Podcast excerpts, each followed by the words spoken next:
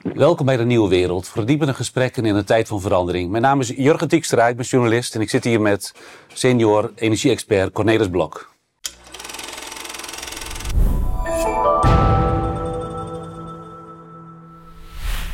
Cornelis Blok, fijn dat je er bent.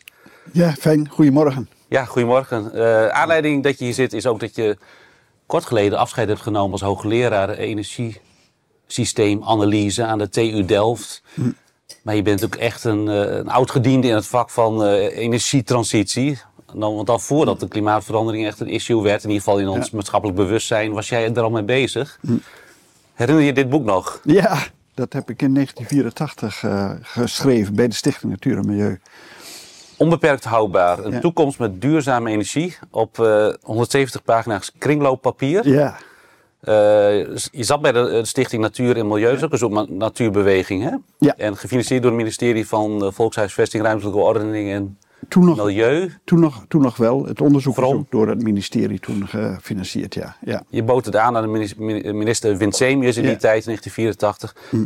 In wat voor tijd is dit boek ontstaan? Dat je nou, toen al met verduurzaming ja, bezig was? Het, het, het lijkt wel van, hé, hey, was je daar toen al mee bezig? Maar toen waren heel veel mensen ermee bezig. Want het was, we hadden de...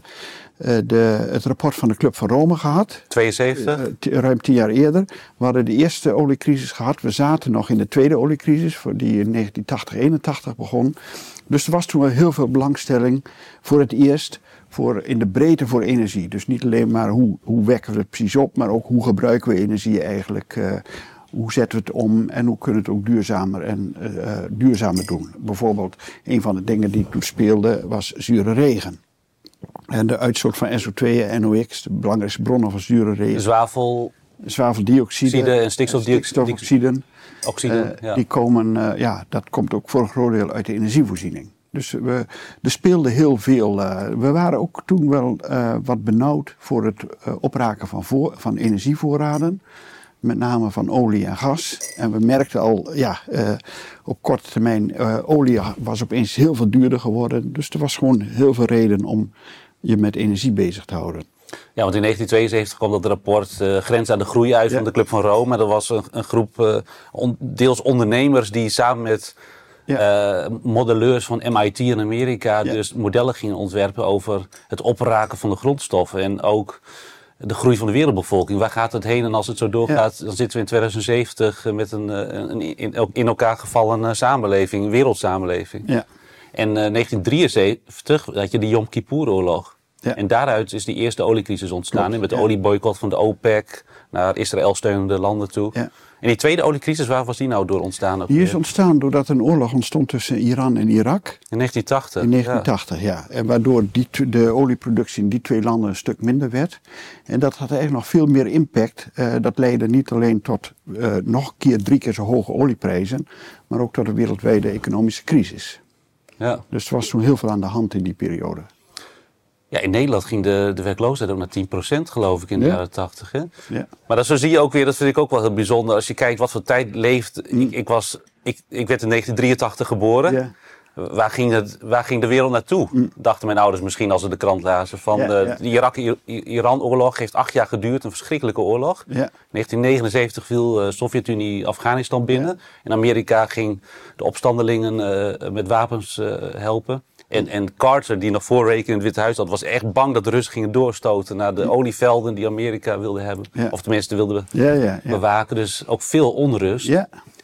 En, maar in 1984 nog geen klimaat eh, Nee, dat op- klopt. eh, in, Nee, het, in de krant. Het, het wordt ook niet genoemd of nauwelijks. Zeg maar, we waren ons toen wel bewust van ja, dat, dat hebben we ook nog. Maar we hadden echt toen al wel genoeg aan de problemen eh, die we direct al hadden rond de energie. Zeg maar. de, hebben, is er wel genoeg energie op de duur? De vervuiling rond de energievoorziening, de kosten, eh, de maatschappelijke kosten. Dus heel veel, eh, heel veel zaken speelden toen al. En klimaatverandering kwam pas eind van de jaren tachtig op. Ja, 1988 eigenlijk, hè? Ja. Dus vier jaar later. Kijk ik even naar het voorwoord of naar de, naar de inleiding lezen. Je hebt nog een voorwoord, geloof ik, hier. Hm. Want ehm, Een maatschappij die haar energiebehoeften geheel dekt met duurzame energiebronnen zoals zon, wind, waterkracht en aardwarmte. Is dat luchtfietserij of een reële mogelijkheid? De milieubeweging en een groeiend aantal andere maatschappelijke groeperingen pleiten al jaren voor zo'n mens- en milieuvriendelijke energievoorziening. Omdat zij streven naar het terugdringen van fossiele energiebronnen en kernenergie afwijzen, worden zij vaak met de stereotype vraag: de enige keuze is toch die tussen kolen en kernenergie als wereldvreemden afgeschilderd. Dus dit, ten eerste was dit bedoeld om, dat, om, om, om te schetsen dat het echt mogelijk is. Om in 2020 ongeveer helemaal zonder uitstoot van CO2 en misschien vervuiling. Ja, 2050 hè? Oh, dit ging over Dit 2050 ging over ook. 2050, ja. Maar ook, eh, kernenergie was dus ook geen optie. En Nee, dat was een- dat was vooral voor, eh, voor mensen in de milieubeweging toen eh, zeer, werd, werd zeer ter discussie gesteld. terwijl dit nog twee jaar voor Tsjernobyl is. Ja, klopt ja. Maar goed, we hadden daarvoor ook al een incident in Harrisburg gehad. En het ging niet alleen om de ongelukken, maar ook om andere zaken zoals eh, de, de, de proliferatie van, eventuele proliferatie van kernwapens, afval. En er waren meer dingen die, eh, die speelden. Ja. Maar goed, de, het was. eh, ja, dus dat was in feite het belangrijkste. Van, kunnen we eigenlijk. eh, eh, zeg maar, is het, precies die vraag: is het luchtfietserij? Want zeg maar, hebben we genoeg eh, ruimte om al die energie zelf op te wekken? Kunnen we met op basis van de variabele energiebronnen zon en wind eigenlijk wel een stabiele energievoorziening bouwen? Nou, dat heb ik allemaal doorgerekend. Ik heb heel precies uitgezocht hoeveel ruimte hebben we allemaal nodig voor al die windmolens en, en zonnepanelen. Eh, en eh, ik, heb, ik heb ook een simulatiemodel gebouwd toen van hoe gaat het werken met, eh, in, met, met wind en zon in de energievoorziening. En dan heb je natuurlijk opslag nodig, korte termijn opslag, lange termijn opslag, waterstof zat er ook al in. En hoe had je toen moeten opslaan? Want batterijen waren er al helemaal nee, nee, niet. toen, toen hadden we nog, maar dat speelde maar een bescheiden rol. Toen hadden we nog het, het zogenaamde Plan Lieversen. Dat wa- was een groot eh, opslagsysteem in, in, in waterbekkens, bijvoorbeeld in het IJsselmeer of op de Noordzee. Dat was een optie, maar waterstof was met afstand het belangrijkste. Voor, de, voor zeg maar de zomer-winteropslag heb je toch waterstof nodig. Om met, met opgewekte stroom eh, waterstof te maken Ja. en dat zo op te slaan. Dat was toen ook al een optie. Ja, maar- dat was zeker een optie. Ja, ja nee, dat heb ik helemaal eh, doorgerekend. Maar hoe, Ja. hoe had, als dat was doorgegaan, die plannen van toen, tenminste zoals je voor je zag, hoe had Nederland er dan uitgezien? Nou, Want, dan, want ik heb wel eens ergens gelezen dat je zei, er moesten wel erg veel windmolens dan komen. ja, nee, dat klopt, ja. En dat is, dat is ook een van de dingen. Er zijn natuurlijk allerlei dingen anders gegaan. Maar toen was de gedachte, nou, het valt niet mee om hele grote windturbines te bouwen. Eh, dus ik kan, in dit eh, verhaal eh, heb ik enorm veel windturbines nodig langs alle langs snelwegen en vaarten en overal stonden, moesten windturbines komen te staan. En ook op de Noordzee, maar ook heel veel. En die ontwikkeling is heel anders gegaan. Die, we hadden toen de grootste windturbines waren 300 kilowatt of zo. En nu hebben we het over windturbines die 15 megawatt zijn. Dus dat is, eh, ja, dat bij, die, die produceren bijna 100 keer zoveel. Dus ik, nu, heb je, nu kun je hetzelfde doen met veel minder windturbines. Ja, ze zijn volgens mij wel 120 meter hoog tegenwoordig. Ze zijn ook heel, eh, nou zeker in de eh, eh, 120, 150 en de, de, de, top van de bladen die komt ruim boven de 200 meter uit. Ja. Ja. Maar, dus, Maar je hebt dus veel Ja. minder nodig, hè? Dus Ja. omdat ze ook omdat ze hoger opgesteld zijn, ze vangen meer wind eh, en ze hebben veel meer oppervlak. Dus je, je kunt met, met heel veel minder windturbines toe. Ja, en- en, die zonnecellen, zonne-energie is ook al heel belangrijk. En het Ja. was al, in de jaren 70 had president Carter Ja, al zonnepanelen op zijn Witte Huis eh, klopt. Ja, ja, gelegd. Die misschien door Reagan weer werden afgehaald ja, als eh, zijn opvolger. ja. En ook Wat, daar-? Ook daar hebben we een enorme ontwikkeling gezien. Toen was het nog ontzettend duur. En eh, toen waren er al trouwens ook al wel de voorspellingen, juist van het Department of Energy in de Verenigde Staten, dat die prijzen zouden dalen en dat ze in het jaar 2000 al heel veel goedkoper zouden zijn. Dus dat was ook al een beetje de, de gedachte van, nou, dan kunnen we ook daar heel veel eh, mee doen in de toekomst. Dus, de, dus nou, je ziet ook op de voorkant staan een plaatje van de zonne, zonnecellen van, uit die tijd. Maar ja. Die spelen dus ook een serieuze rol in het, in het hele scenario. Maar als je, want voor de zomer heb je afscheid genomen met een oratie, een afscheidsoratie eh, van je leerstoel aan de TU Delft. Eh, En die was eigenlijk best optimistisch over wat er behaald is. En als je dan dus even... Hoe oud was je in 1984? Toen was ik uh, 28. 28. En als je nu denkt aan, nu je met uh, emeritaat bent gegaan, van wat is er gebeurd in die tussentijd? Tussen die oratie die je voor de zomer hield en toen je dit boek schreef voor Natuur en Ja, ja, ja. Nou, ik heb. Uh, nou, op, op bepaalde punten hebben we toch ontzettend veel ontwikkeling gezien. Nou, ik heb in mijn oratie ook benadrukt hoe hard wind en zon zijn gaan groeien. Dat was toen uh, ja, toen, toen was er nog bijna niks. Zeg maar, de, de echte, die eerste groei van windenergie kwam een paar jaar later pas in Californië.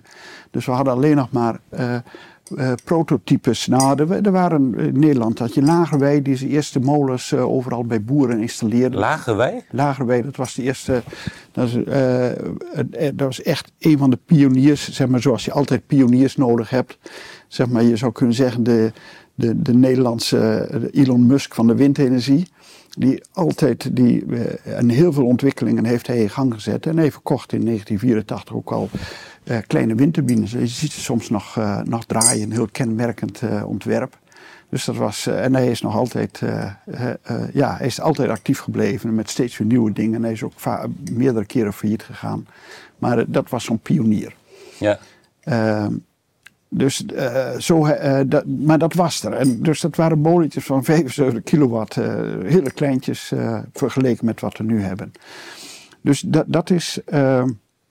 De, dat was de situatie. Een paar jaar later begon het te groeien. En er zijn natuurlijk wel hele specifieke dingen die een rol gespeeld hebben. zoals nou, met name de Duitsers toch. Die hebben heel veel losgetrokken. Doordat ze op een gegeven moment gezegd hebben in 1990 voor wind en tien jaar later voor zon, we gaan het gewoon subsidiëren. Maakt niet uit hoeveel het kost. Wij leggen geld bij zodat bedrijven dat gaan bouwen.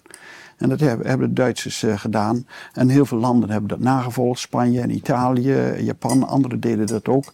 Dus daardoor begon die industrie op gang te komen. En begonnen de kosten te dalen. En dat, dat zie je dat nu effect heeft. Want nu hebben we wind en zon die qua uh, productiekosten uh, stroom maakt die vergelijkbaar is met, met conventionele energie, met energie uit gas en steenkool. Uh, en dat heeft ook tot een enorme groei geleid. nu wekken we, zeg maar afgelopen jaar wekten we 12% van de stroom wereldwijd met, uh, met wind en zon op. Dat was in, in de Europese Unie zelfs het dubbele. dus zitten we boven de 20%. En, dat, ja, en we zijn gewoon nu op weg niet alleen voor Nederland. In Nederland halen we het in 2030 al dat we de meeste elektriciteit uit wind en zon halen. Maar wereldwijd ook om in 2050 uh, eh, de meeste stroom uit wind en zon te halen. Ja. Dus dat is een hele positieve ontwikkeling. Wat ik ook. Uh, een andere ontwikkeling die toch, uh, zeg maar een, een, minder goede ontwikkeling is hoeveel meer we zijn gaan uh, consumeren. Uh, zeg maar, in dat, toen ik dit schreef, dacht ik toch dat we, vooral voor Nederland, dat we met het aantal auto's op straat uh, en de hoeveelheid productie, de hoeveelheid vliegen en zo, dat toch al een beetje aan de, nou, tegen de verzadiging aan begonnen te lopen. En wat we toen niet zagen, is dat er nog een enorme groei achteraan gekomen is. Dat we nu nog weer eindeloos veel meer consumeren dan we toen nou, deden. Consumptiegoederen, gewoon echt spullen die uit China zijn nou, aangevoerd? Ja, maar ook gewoon meer autorijden. Uh, uh, meer, uh, en ook meer spullen gebruiken, ja. Zeg maar het uh, toch, uh, nou, uh, wat, je, waar, wat je tegenwoordig ziet als iemand in een nieuw huis trekt, dan wordt er toch eerst een grote container gehaald. Ja, de keuken eruit. staan de badkamer en ADA gaat eruit en alles moet nieuw. ja, waar, waar, komt dat door? Want ja. Nederland is wel nog een stuk welvarender geworden sinds de jaren 80. We, we, zijn, we zijn natuurlijk nog een heel stuk rijker geworden en we kunnen ons dat permitteren. En ja, de eisen zijn wat dat betreft ook anders, uh, anders geworden. Misschien zijn er ook heel veel prijzen, uh, dat, weet ik niet zo mijn hoofd, maar nou, ik kan me voorstellen dat heel veel prijzen voor consumptiegoederen naar beneden zijn gegaan. Ja, nee, of elektronica natuurlijk. Materialen, uh, materialen kosten bijna niks. Die, dat, dat, is, dat, is, de, dat is, is het geld niet. Dus daar kun je het, je kunt dat gewoon, ja. waarom, kan, waarom doe je het? Omdat het kan. Dat is een beetje het, misschien de, de, de, reden. Maar goed, dat, dat is wel uh, zeg maar het aantal auto's op straat enzovoort. Aan de hoeveelheid wat, wat, wat er gevlogen wordt, dat is veel meer dan ik toen uh, in, de, in het scenario, waar ik toen in het scenario rekening mee hield. Ja. Aan de andere kant, dus dat is een tegenvaller. wat aan de andere kant weer een meevaller is, is dat uh, we veel efficiënter met energie uh, kunnen omgaan. Uh, Hoe groot is die stap geweest? Nou, dat is wel. ik, ik weet het niet uit mijn hoofd, maar we, we, het is niet voor alle dingen hetzelfde, maar alles is veel efficiënter geworden. nou, om maar eens een voorbeeld te noemen, een koelkast die we nu gebruiken, die gebruikt maar 20 of 30 procent van de elektriciteit die het in, in het jaar 2000 gebruikten. Uh, nou, voor verlichting is ook bekend. De, toen, was, toen hadden we de gloeilamp en begonnen net de spaarlampen geïntroduceerd te worden. Nu hebben we ledlampen die tien keer zo goed zijn als een gloeilamp. Ze geven per, voor, per kilowattuur tien keer zoveel licht. Dus dat, dat, dat is de andere kant eh, van. Dus we zijn weliswaar veel harder, gaan, van, veel harder gaan groeien, maar we hadden wel veel minder energie nodig per eenheid uh, activiteit. En komt dat door Europese uh, regels dat, van uh, ja. eco-design regels? Ja, ja, dus een van de belangrijke dingen is dat er normen zijn gesteld. En daardoor, dat heeft vooral een enorme impact gehad voor, voor nieuwe dingen. Dus we hebben nu die eco-design regels voor van alles en nog wat. Al onze apparaten in huis. Maar ook voor, ook voor elektromotoren die in de industrie gebruikt worden. Dus voor heel veel zaken hebben dat nu.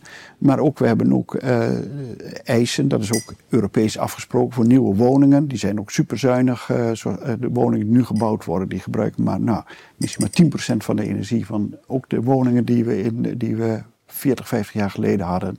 Dus daar hebben we enorme stappen gemaakt.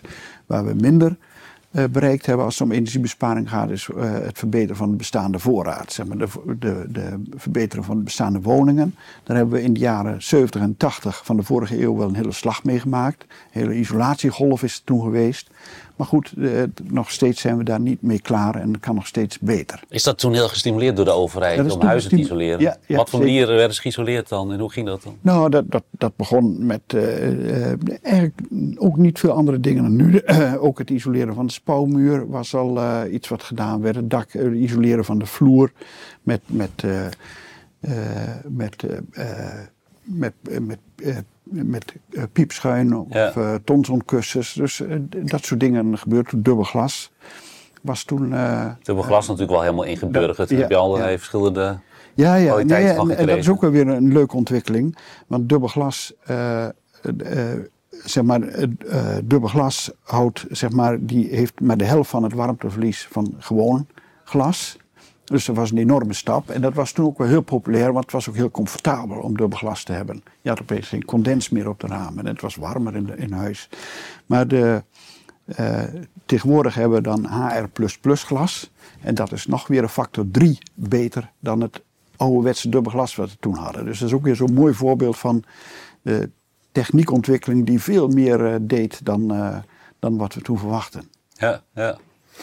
Wat ik wel interessant vind is dat je uh, dus je zat.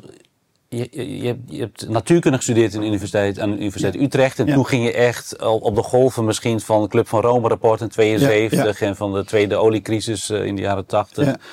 Ging je hiermee bezighouden, ook met uh, studievrienden of studiecollega's in het vak. Ja, je ging nog een adviesbureau oprichten, dat heet Ecories en bestaat er nog steeds. ik zag dat je met een tas uh, van Ecories binnenkwam. Ja, nee, ja, ja Ecovis. Ja. Of Ecovis, sorry. of vis, ja. zeg je vis of vies? Vis. Ja, het komt van fysica, maar we zijn met Oh, precies, fysica, ja, precies. Ja, ja, ja Ecofysica. Ja, ja, ja. Maar dat bedrijf bestaat nog steeds. Dus je had ook een commerciële tak in die zin van uh, adviesfuncties. aan de, adviseren nee, aan de Europese dus Commissie ik, ik begon, en de politiek in Nederland. Ik had bij Natuur en Milieu gewerkt. De anderen waren al op de wat uh, studiegenoten waren op de universiteit begonnen. Waaronder ook Ad van Week, die een die een week geleden afscheid heeft genomen aan de TU Delft. Ook een hoogleraar dus, die net aan de TU Delft weg is gegaan. Hij wordt ook als de waterstofprofessor ja, genoemd. Ja, ja, precies. Ja. Ook een hele optimistische oratie van zijn kant. Ja, klopt. Ja. Maar dat heeft tussendoor. Ja, ja, ja, ja. ja. Nee, uh, goed, we komen kennelijk uit dezelfde school. We waren, uh, het, het, is inderdaad die Club van Rome, dat hoorde ik op middelbare school. Er was opeens iemand die gaf een spreekbeurt en dat was voor mij wel een trigger. Dat,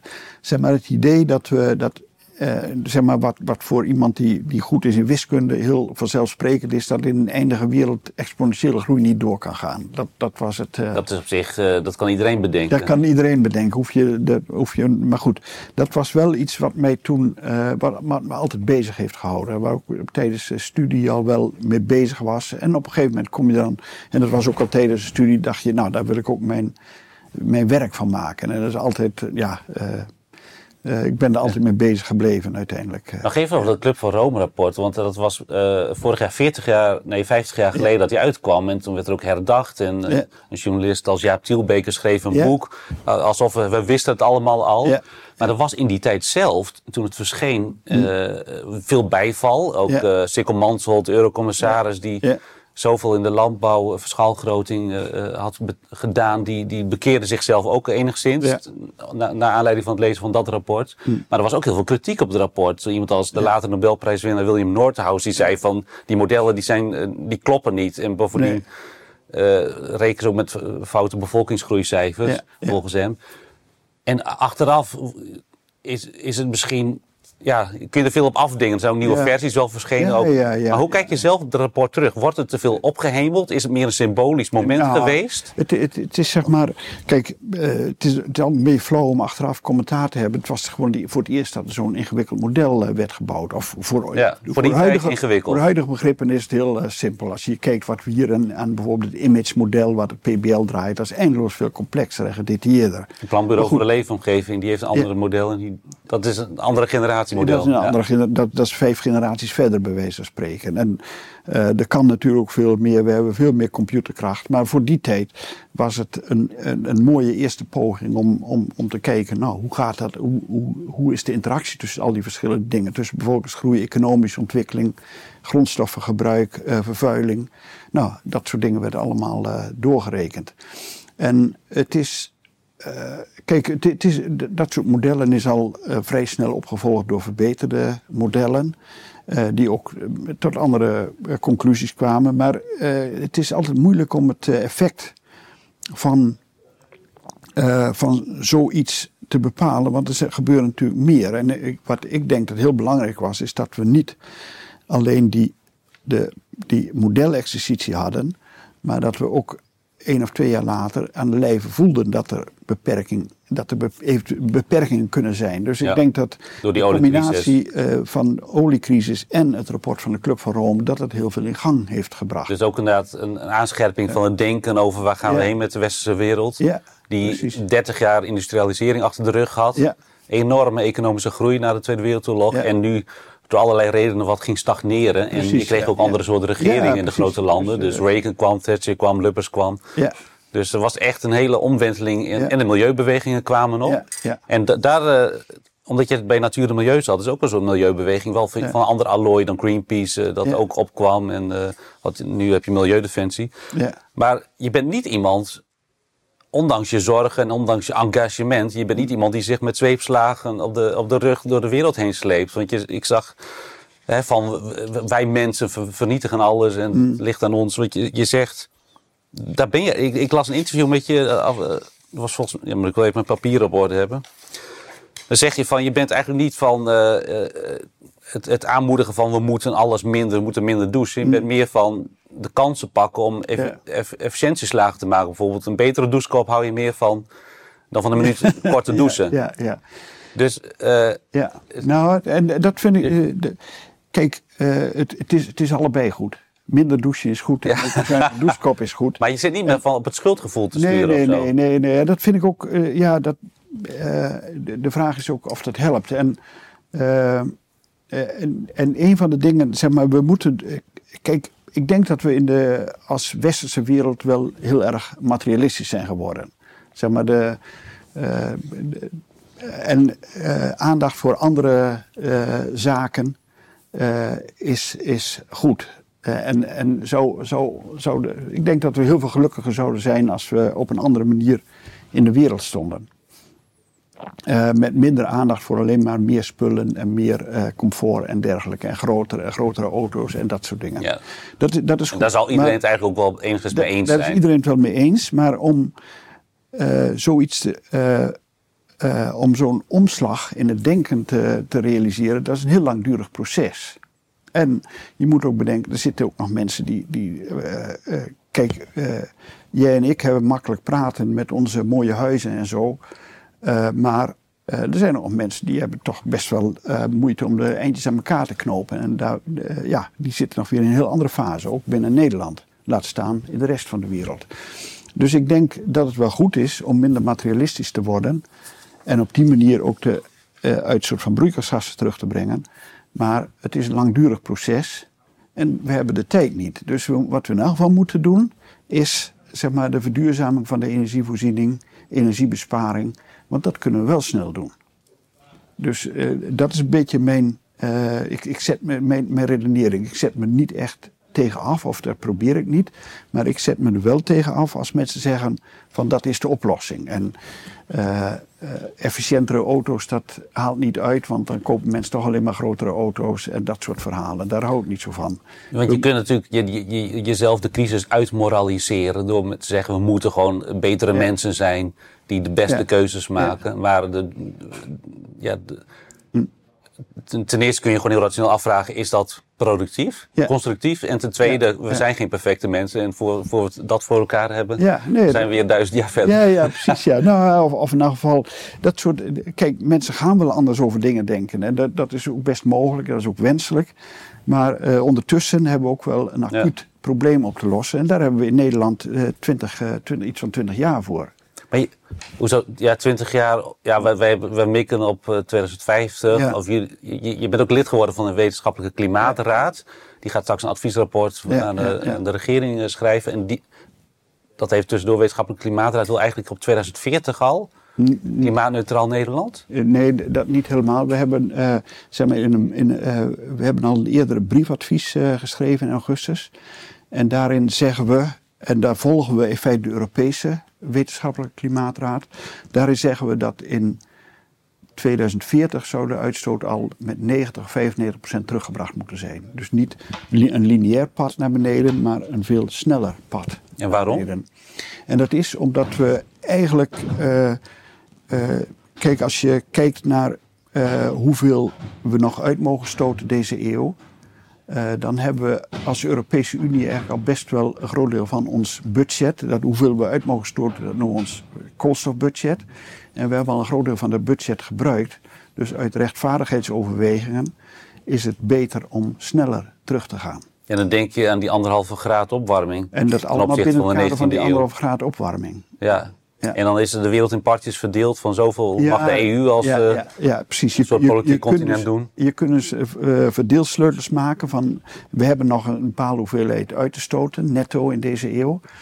Uh, dat kun je verdelen over de, alle werelddelen en iedereen krijgt een stuk van de taart. Nou, hoe die taart gesneden moet worden, daar kun je over twisten. Maar, uh, want er zijn allerlei formules over het verdelen van die taart. maar in alle formules komt toch uit dat Europa al wel een beetje aan zijn tak zit, wat uh, deel van de taart betreft. Dus het is beter dat Europa sneller gaat. Want dat geeft ook de ruimte aan landen als India om wat.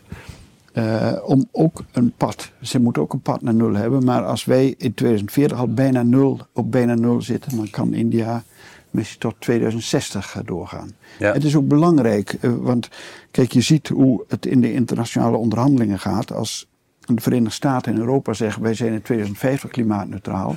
Dan zegt China in 2060 en dan zegt India, maar wij zijn nog armer, wij gaan 2070. En wil je bewe daar bewegingen krijgen en China en India laten versnellen, dan moeten wij ook een stukje opschuiven en nog, nog sneller gaan. Ja, want in, in uh, in, jullie ben al, je, je, was ook ondertekenaar van een open brief. 20 mm. oktober stuurde die naar de regering met allerlei uh, klimatologen in Nederland en ook IPCC-auteurs. Want je bent zelf, dat heb ik nog helemaal niet gezegd, ook hm. betrokken al bij verschillende IPCC-rapports. Ja. Van het klimaatpanel van de VN en ook het meest recente dat vorig jaar uh, deels uitkwam. Want het verschijnt in drie delen. Ja, ja, ja. Eerste deel in 2021 en de latere delen vorig jaar. Daar ben je ook ja, ik nauw bij betrokken geweest? ik was een van de auteurs van, het, uh, van deel 3 en dat gaat over de oplossing. Die kwam vorig jaar uit. Ja, eentje gaat over hoe gaat het met het klimaat, de tweede wat zijn de gevolgen en de derde wat zijn de oplossingen. Ja, daar ben jij van. Ja. Je schreef een, over, schreef een open brief namens verschillende Nederlandse IPCC-auteurs aan het kabinet. En zeg je in, ook al is Nederland klein en onze directe uitstoot daarmee ook, mm. een snelle eliminatie van Nederlandse emissies is cruciaal voor wereldwijd draagvlak voor dit mm. beleid. Ja. Dus doen we het nou omdat we iets in de melk te brokkelen hebben in onze CO2-uitstoot, of doen we het voor draagvlak?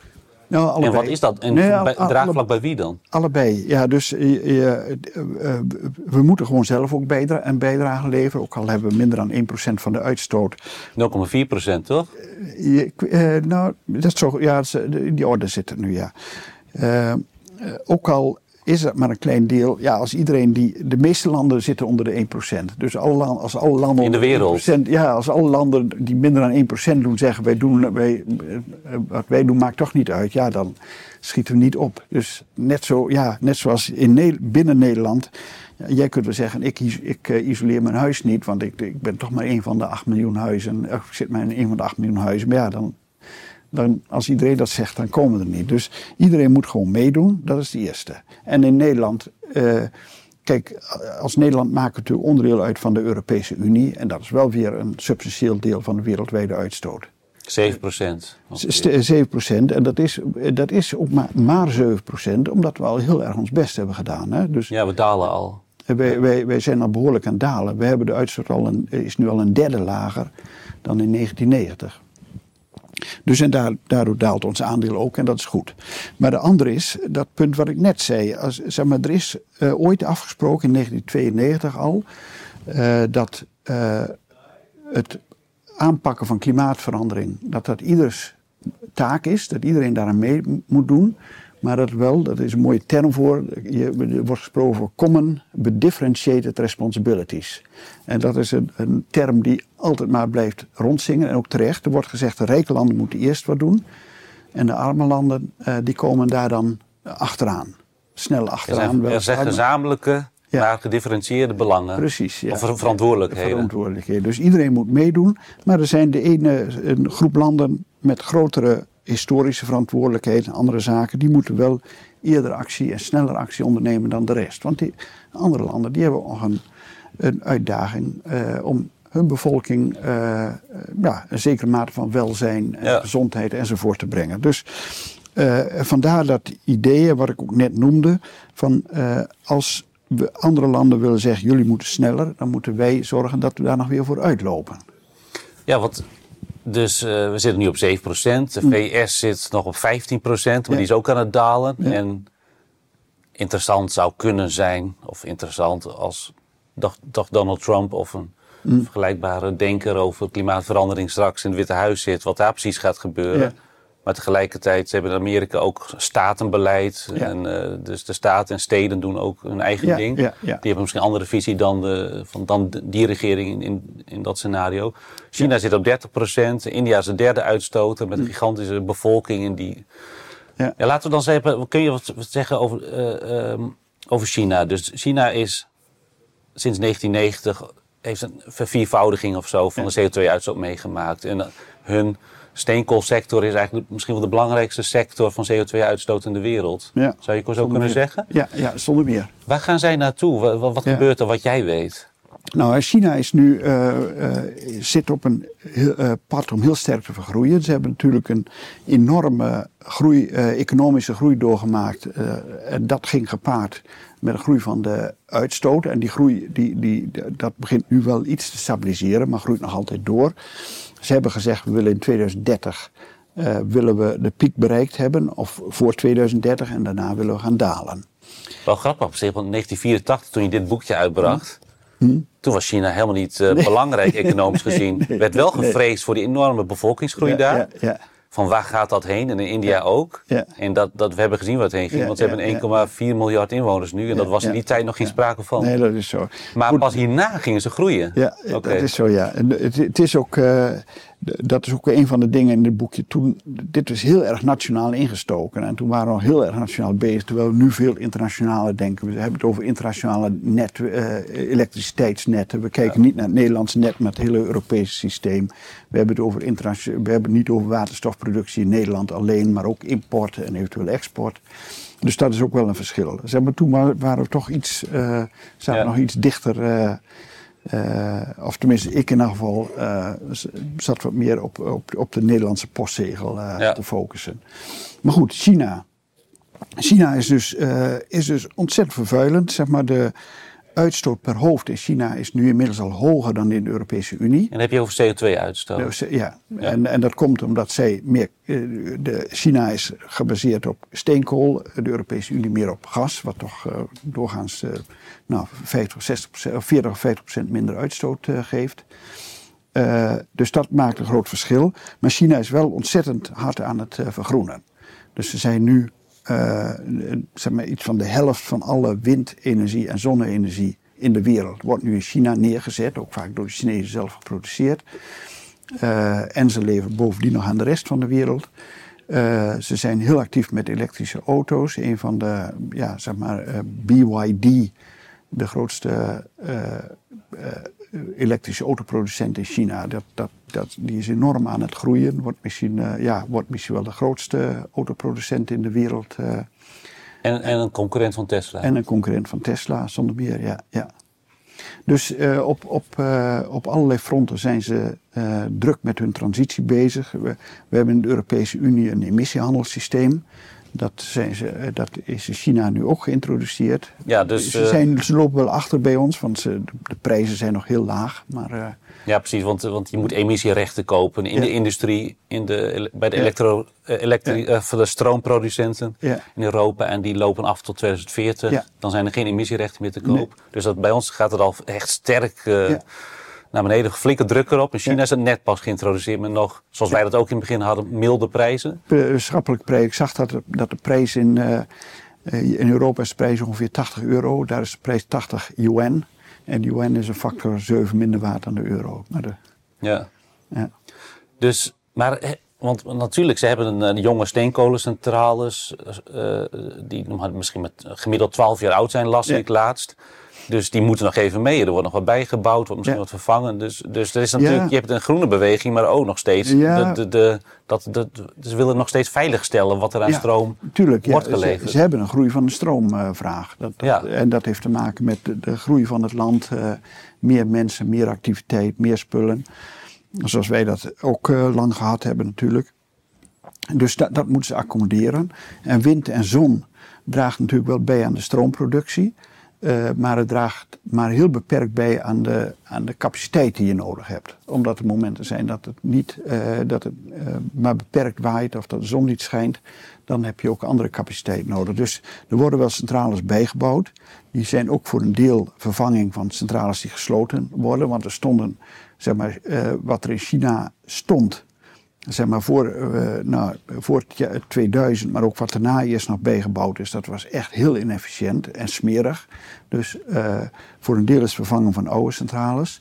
En die centrales gaan ook minder, minder uren maken. Zeg maar. Omdat er hmm. zoveel wind en zon is, zullen ze veel vaker terugregelen dan in het verleden het geval was. Ja. Maar die capaciteit heb je wel nodig. En China heeft maar heel, heel beperkt toegang tot, uh, tot aardgas weinig, uh, weinig interne bronnen, weinig importcapaciteit, wel enige importcapaciteit, maar lang niet genoeg. Dus ze hebben, uh, als ze uh, centrales als reserve willen hebben, dan hebben ze niet zoveel anders dan die steenkool. Of kerncentrales. En kerncentrales bouwen ze ook, ja. Zeker. Ja. Heb je vertrouwen in wat de ontwikkelingen daar zijn? In die zin van, er is, wordt veel in gang gezet. Maar ja, waar gaat het naartoe?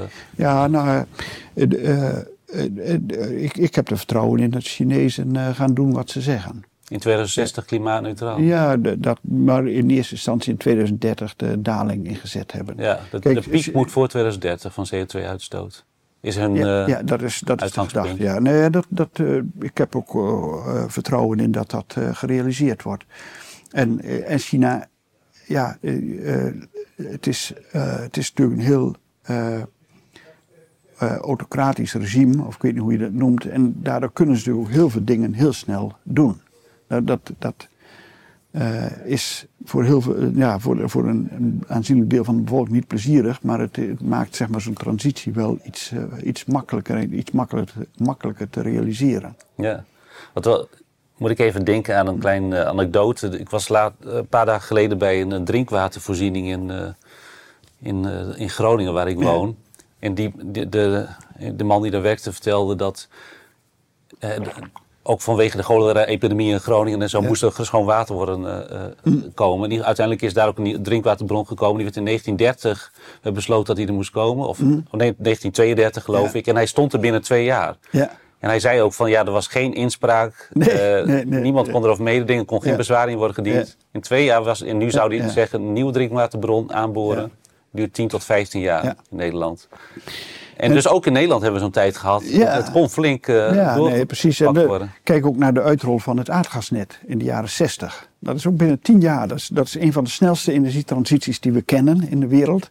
Maar in tien jaar hebben, heeft heel Nederland uh, is aangesloten geweest op uh, aangesloten ge, is geraakt, is geraakt op aardgas. Ja, dat was, was er toen ook weinig participatie, inspraak, bezwaarmogelijkheid? Denk ik, dat denk ik ook. Ik weet nog dat er bij ons. Ik, ik ben eh, boerenzoon en er werd een, eh, een gaspijp door ons weiland gelegd. Nou, ik geloof niet dat, er, eh, dat mijn vader gevraagd werd wat hij daarvan vond. Is hij, kon hij naar de Raad van State stappen? Ja, dat, dat, dat deed je niet? Dat deed, dat deed je ook niet. Hè. Dat, was, dat werd gewoon geaccepteerd, ja. Ja, dus, en, en dat moeten we, en, en dat is best een uitdaging. Nu denk ik dat we Kijk, het is natuurlijk toch goed om in een, een eh, democratische samenleving te leven en, en participatie te hebben. Uh, en soms dan, ja, daar moet wel een zekere balans in zijn tussen participatie en snelheid. Maar goed, ik denk dat we het ook nog kunnen doen. Nou ja, ook, ook in een participatieve samenleving is het mogelijk. alleen dan moeten we soms ook, als het linksom niet kan, rechtsom gaan. Kijk, ik, ik zie bijvoorbeeld wel dat er in Nederland uh, zie ik maar bescheiden kansen meer voor de uitbreiding van wind op land. Maar uh, wind op zee. vanwege bezwaren of vanwege, plekken? Vanwege de bezwaren. Kijk, wat we nog wel kunnen doen is dat de kleine molens vervangen door grote molens. Ja. Dat kan de capaciteit nog wat doen toenemen. Maar uh, extra parken aanleggen, dat zal op sommige plekken nog wel lukken. Maar dat zal heel beperkt zijn. Maar goed, we hebben inmiddels wel echt een machinerie in gang gezet om op, wind, op, op zee grote windparken te bouwen. Uh, en dat vind ik een van de successen van het Nederlandse beleid. Dat het ministerie van Economische Zaken, nou dat echt, uh, ja, het is bijna een, een, een, een, treintje geworden, zeg maar. Gewoon een nieuw park aanbesteden, het wordt, en, en bouwen enzovoort. En naar, op naar het volgende park. Ja, ja. Dus dat gaat goed. En, de, en, en dus dan, als het op land niet lukt, dan maar meer op zee. Uh, en ook dingen, ja, en, maar er liggen grote uitdagingen. We zullen naar waterstof uh, moeten. Ons hele aardgasnet zal, als we in 2040 bijna klimaatneutraal willen zijn, zal ons aardgasnet de komende 15 jaar op waterstof of eventueel biogas omgebouwd moeten worden. Dat is ook dat is iets vergelijkbaars. Maar goed, gelukkig liggen de peper er al. Ja, die moeten aangepast worden. Maar goed, en de koning heeft laatst nog wel... iets geopend. Hm? Het waterstofnetwerk moet nu aangelegd worden. de koning was erbij bij de opening. Ja, precies. Dat, is, uh, dat is gebeurd. Dus dat, dat, uh, dat kan ook wel. Maar goed, dan zullen we ook wel eens regels moeten stellen. Van ja, dat, dan kan het niet zo zijn dat een afnemer die zegt ik zit op aardgas, ik wil daar niet van af, ja, die, dat hij dat tegen kan houden. Dus op een gegeven moment zullen ook wel de regels wat aangepast moeten worden. Dat je zegt, nou ja, binnen het redelijke, maar we moeten wel tempo maken, we moeten wel door. Er ligt natuurlijk ook een wet bij de Tweede Kamer die gemeentes de mogelijkheid geeft om uh, mensen van het gas af te halen. Ja. He, dus dat het echt verboden wordt. Je krijgt geen aansluiting meer, die wordt gewoon weggehaald. Ja. Maar nog even over India.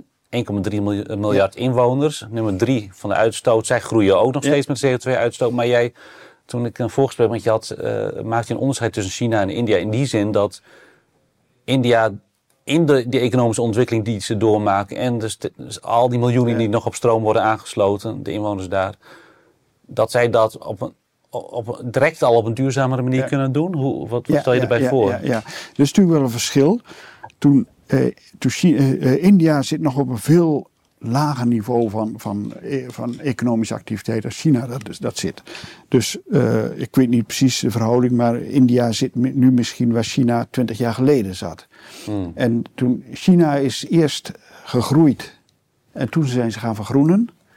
En India doet uh, heeft in ieder geval de kans om dat te doen en doet het ook wel om het beide tegelijk te doen. Om meteen naar groene groei te Hoe doen ze dat? Uh, en dat doen ze bijvoorbeeld door uh, nu al veel meer te investeren in zonne-energie. Zeg maar, toen, twintig jaar geleden, was zonne-energie nog bijna onbetaalbaar. In ieder geval vonden de Chinezen het onbetaalbaar.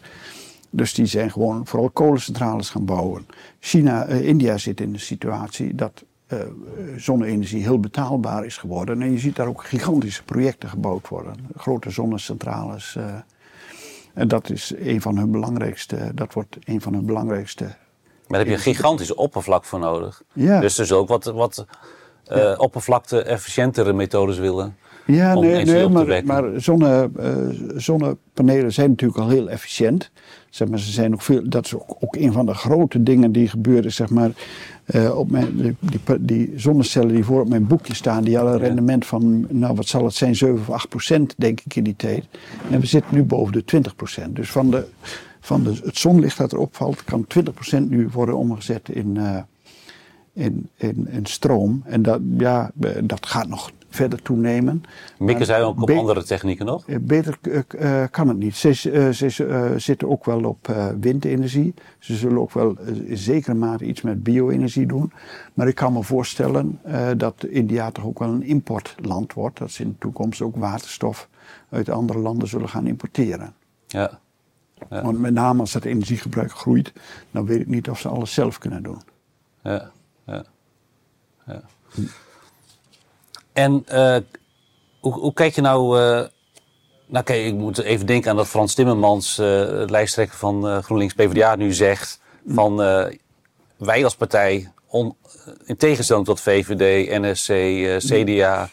Uh, allemaal andere partijen, BBB, wijzen nog steeds kernenergie af, wat ook al van oudsher in die beweging zit. En ook, dat zat ook bij Natuur en Milieu kennelijk in 1984. Hoe kijk jij er nu tegenaan dat nou, Frans Timmermans zegt, ja, we hebben een perfecte Noordzee, vlakke ondergrond, ondiepe water. Daar kunnen we gigantisch uh, windpark neerzetten. En dat gaan we ook doen. En dat is voldoende. En we hebben geen kernenergie nodig. Nee.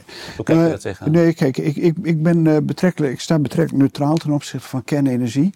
Ik denk dat je in alle gevallen uh, moet je de goede randvoorwaarden stellen voor energiebronnen. En dat betekent met, met windturbines mag je niet te veel geluidoverlast veroorzaken.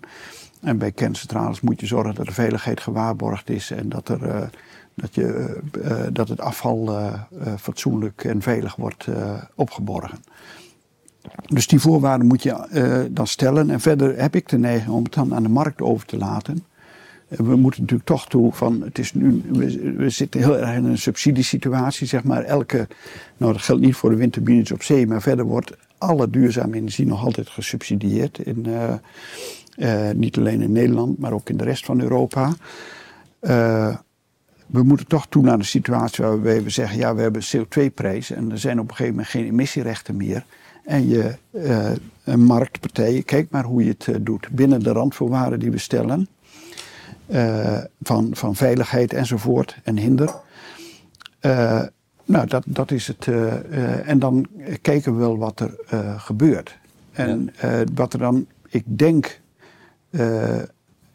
En dat kan het zijn dat, dat kernenergie toch uit de bus komt als een optie, omdat het natuurlijk wel het voordeel heeft dat het. maar het is nog geen noodzaak in jouw ogen? Productie heeft. Nee, ja, ik denk in, in principe Noordzee is enorm groot. En eh, we kunnen daar nog heel veel extra doen. Dus, dus het, is, het, is, inderdaad niet. Uh, we kunnen, zeg maar, eh, ik ben, ik, ik ben erg tegen het uitsluiten van energiebronnen. Ik zeg ook van en bio-energie en carbon capture en storage. Dus het opslaan van CO2 in de ondergrond. Het afvangen en opslaan van CO2 in de ondergrond. Dat, dat zullen we allemaal toch deels nodig hebben. En uh, ik zou kernenergie ook niet willen uitsluiten. Maar of de markt daarvoor gaat kiezen, uh, dat weet ik dan niet. Want het, is, het is toch relatief duur. Ja. En, en dat nadeel wordt maar beperkt uh, niet gedaan door het feit dat, dat kernenergie een, goed, een goede uh, permanente output heeft. Ja. Ik was laatst bij een bijeenkomst waar ook uh, politici waren. Mona Keizer van de BBB was daar ook. En die zei van wij willen temporiseren hm? Of misschien wel stoppen met windparken op de Noordzee vanwege een natuurbederf en vanwege de hoge kosten die misschien toegenomen zijn. Uh, wat vind je van zo'n idee? Dat, dat zo'n partij dat zegt. Ja, nou, dat, uh, kijk, we hebben. Uh, kijk, alles, alles wat ik zeg en alle gremia waar ik zit, die zeggen we moeten niet temporiseren, we moeten versnellen.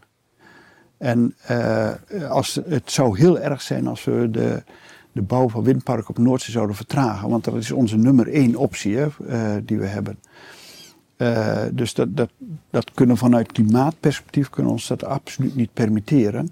Ga je dan kijken, het is inderdaad zo, er is minder ruimte voor, voor vissers, maar voor de natuur is, is uiteindelijk zijn windparken een, een, zegen, want je krijgt rustgebieden uh, in de Noordzee. Zeg maar. Er zijn allerlei, de, de, in die windpark daar varen geen schepen, dus daar wordt het uh, veel rustiger, daar wordt ook niet gevist. Dus het kan, missie stelt voor de visstand, dat weet ik niet hoor, maar is voor de visstand wel, zelfs wel goed, maar in ieder geval is het goed voor de natuur. Ja, en ze zei het ook tijdens een bijeenkomst waar ook plannen werden gepresenteerd door RWE, de grootste stroomproducent in Nederland, en door Tata met zijn ja. oh, ja. vergroening van de, de, de, staalproductie met waterstof. En die, die, en ook Shell was daar. En ze richten zich allemaal op windparken op de Noordzee. Shell investeert erin, RWE ook. Tata wil daar de, de, de stroom voor de waterstofproductie vandaan halen. Dus al die grote bedrijven, de grootste uitstoters van Nederland qua CO2. Die, die, zijn daarvan afhankelijk. Dus en, dat zou hele plannen, om, om, als, als dat niet doorgaat. nee, nee, nee dat, zou, dat zou dramatisch zijn. Want het is misschien ook wel goed te beseffen, we hebben het veel over elektriciteit gehad, wind en zon. En daar gaat het geweldig mee. Maar we hebben een enorme slag te gaan om onze industrie, de zware industrie, eh, de grondstofproductie, maar ook lucht- en scheepvaart allemaal te vergroenen. En daar hebben we brandstoffen voor nodig. En dan is waterstof een van die opties. Dus ja, uh, en dan kijken we natuurlijk ook naar de Noordzee. Dan kunnen we ook verder kijken. We kunnen het ook importeren uit Zuid-Spanje of uit de Sahara. Maar uh, voor de hand ligt om te beginnen op de Noordzee. Ja. Nou, tot slot. ik zei al, je bent ook uh, je bent met emerita, maar je bent nog niet mm. opgehouden, want je bent ook. Ja, we hebben een paar dingen niet besproken eigenlijk, maar we moeten ze afronden. Je bent nog uh, technisch directeur of, of, of zoiets, of moet ik zeggen, bij Science Based Targets Initiative. En daar zitten allerlei, 5000 bedrijven zijn erbij betrokken. Die, En ook bedrijven zoals Air France, KLM en wat zijn er nog meer eigenlijk? grote bedrijven. Apple en Google. Eh, Apple en Google, die zich dus echt uh, bindend binden aan bepaalde CO2-reductieplannen. En je bent nog betrokken bij een, uh, een Indonesische academische initiatief of een universiteit om ook de elektrificering van, uh, ja, wat, van, van de industrie van Indonesië. Nou, nee, ja, in Indonesië staat nog heel erg aan het begin van de energie. Ook een heel dus bevolkingsrijk land, ja, 200 miljoen zeg maar, inwoners. Als, als je kijkt naar China en India, dan is Indonesië de volgende. Met een enorme verwachte groei van de, niet alleen van de bevolking, maar ook van de economische activiteit en het energiegebruik. Dus daar is het heel noodzakelijk uh, dat dat ook verder uh, vergroend wordt. Er zijn enorme kansen. We staan aan het begin van dat dus verhaal. We staan echt nog aan het begin, ja. ja. En wat zijn hun kansen? Nou, ze, uh, Indonesië heeft een, is heel rijk aan, aan bronnen. Ze, ze, ze, hebben alles, zon, wind iets minder. Maar ze kunnen ook energie winnen uit temperatuurverschillen in de, in, in de oceaan. En uh, ze hebben heel veel uh, bio-energie als uh, grondstof. Ze hebben waterkracht, aardwarmte. Dus ze hebben heel veel. Het is wel heel raar verdeeld over, over het land. Want de meeste Indonesiërs wonen op Java, op dat ene eiland. En daar is weer heel weinig ruimte, want dat is hartstikke vol. Ja. Dus, uh, jij bent actief op Sumatra?